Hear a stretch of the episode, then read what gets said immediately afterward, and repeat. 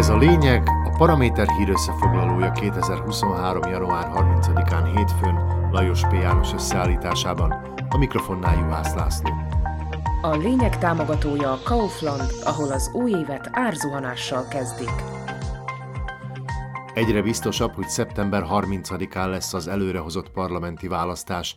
Nem vezetett eredményre ugyanis az SAS vasárnapi tárgyalási javaslata.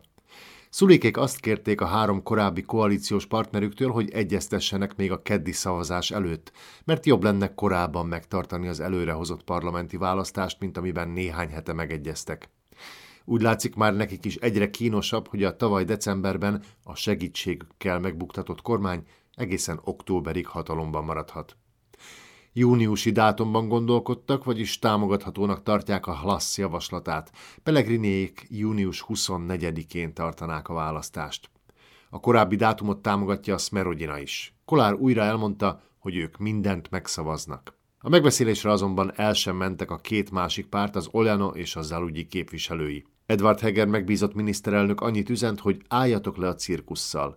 Szerinte ez volt az egyetlen lehetséges időpont. Ez kompromisszum, az egyetlen dátum, amely biztosíthatja a 90 szavazatot, állítja Heger.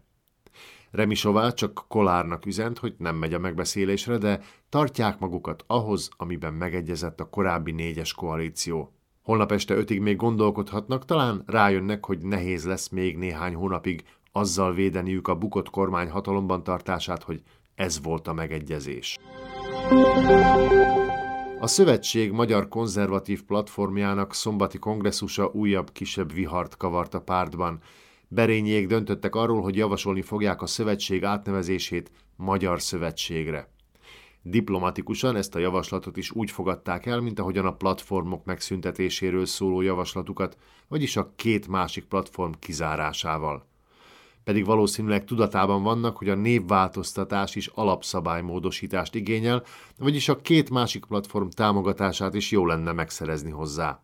És ha nem egyeztetnek, akkor abból valószínűleg hangos egyet nem értés, vagyis veszekedés lesz.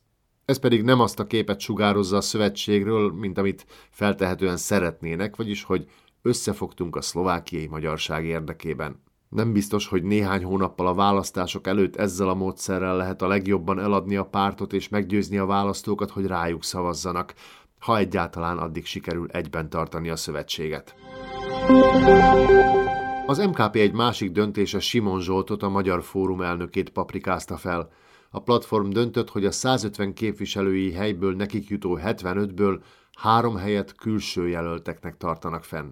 A párt kommunikációja egyénekről szólt, ami meglepte a szövetséggel tárgyaló magyar fórumot.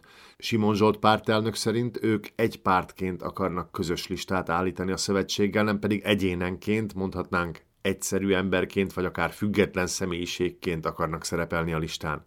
A szövetség képviselői azonban nem értik Simon felháborodását, szerintük az elnökség tártkapuval várja a Magyar Fórum képviselőit a következő tárgyalásra igaz koalíciót vagy választási párt létrehozását nem ígérnek, de a szövetség listáján szorítanának nekik néhány helyet.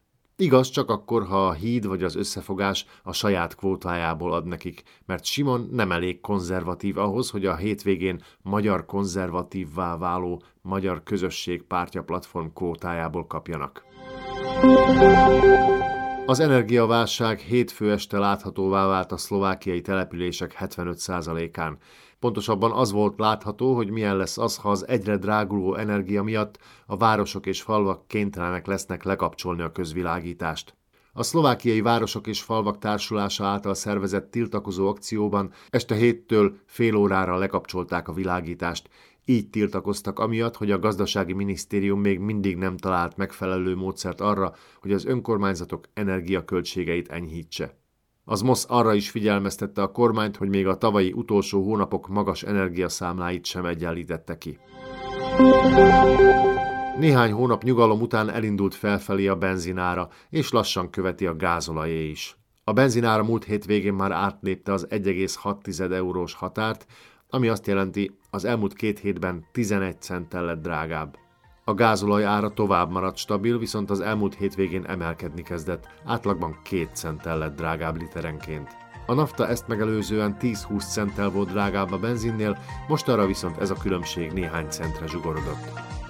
Lajos P. János szerint ez volt a lényeg 2022. január 30-án hétfőn. Kommentált hírösszefoglalóval legközelebb holnap este jelentkezünk a Paraméteren, podcastjainkat pedig a Paramédia rovatban találják, illetve a Spotify, az Apple Podcasts, a Google Podcasts és a Podbean platformjain.